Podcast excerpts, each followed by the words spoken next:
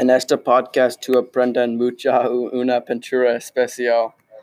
Esta pintura se llama Vista de Toledo. El artista de esta pintura es El Greco. El nombre auténtico del Greco es Dominicos Theotokopoulos. Él nació en 1541 en Creta, Grecia. El Greco creó esta pintura en 1596 a 1600.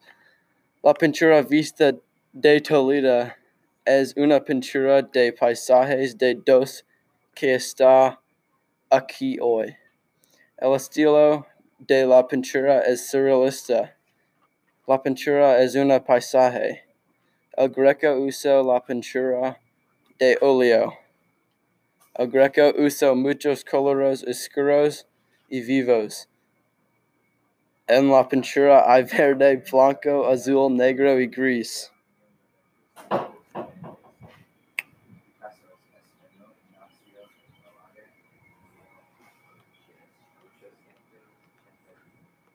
Adelante de la pintura hay una iglesia grande. Los edificios están en lugares diferentes de la ciudad de Toledo.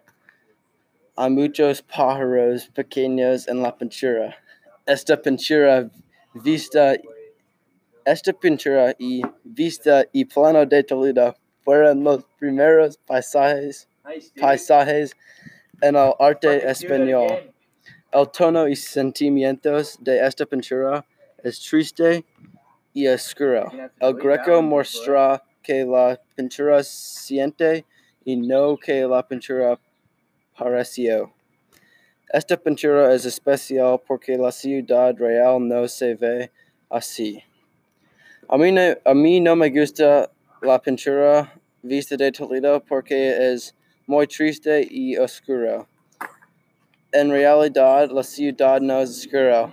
A mí no me gusta cómo el Greco cambió la ciudad para él mismo. También a mí no me gusta esta pintura porque todos los colores son combinados.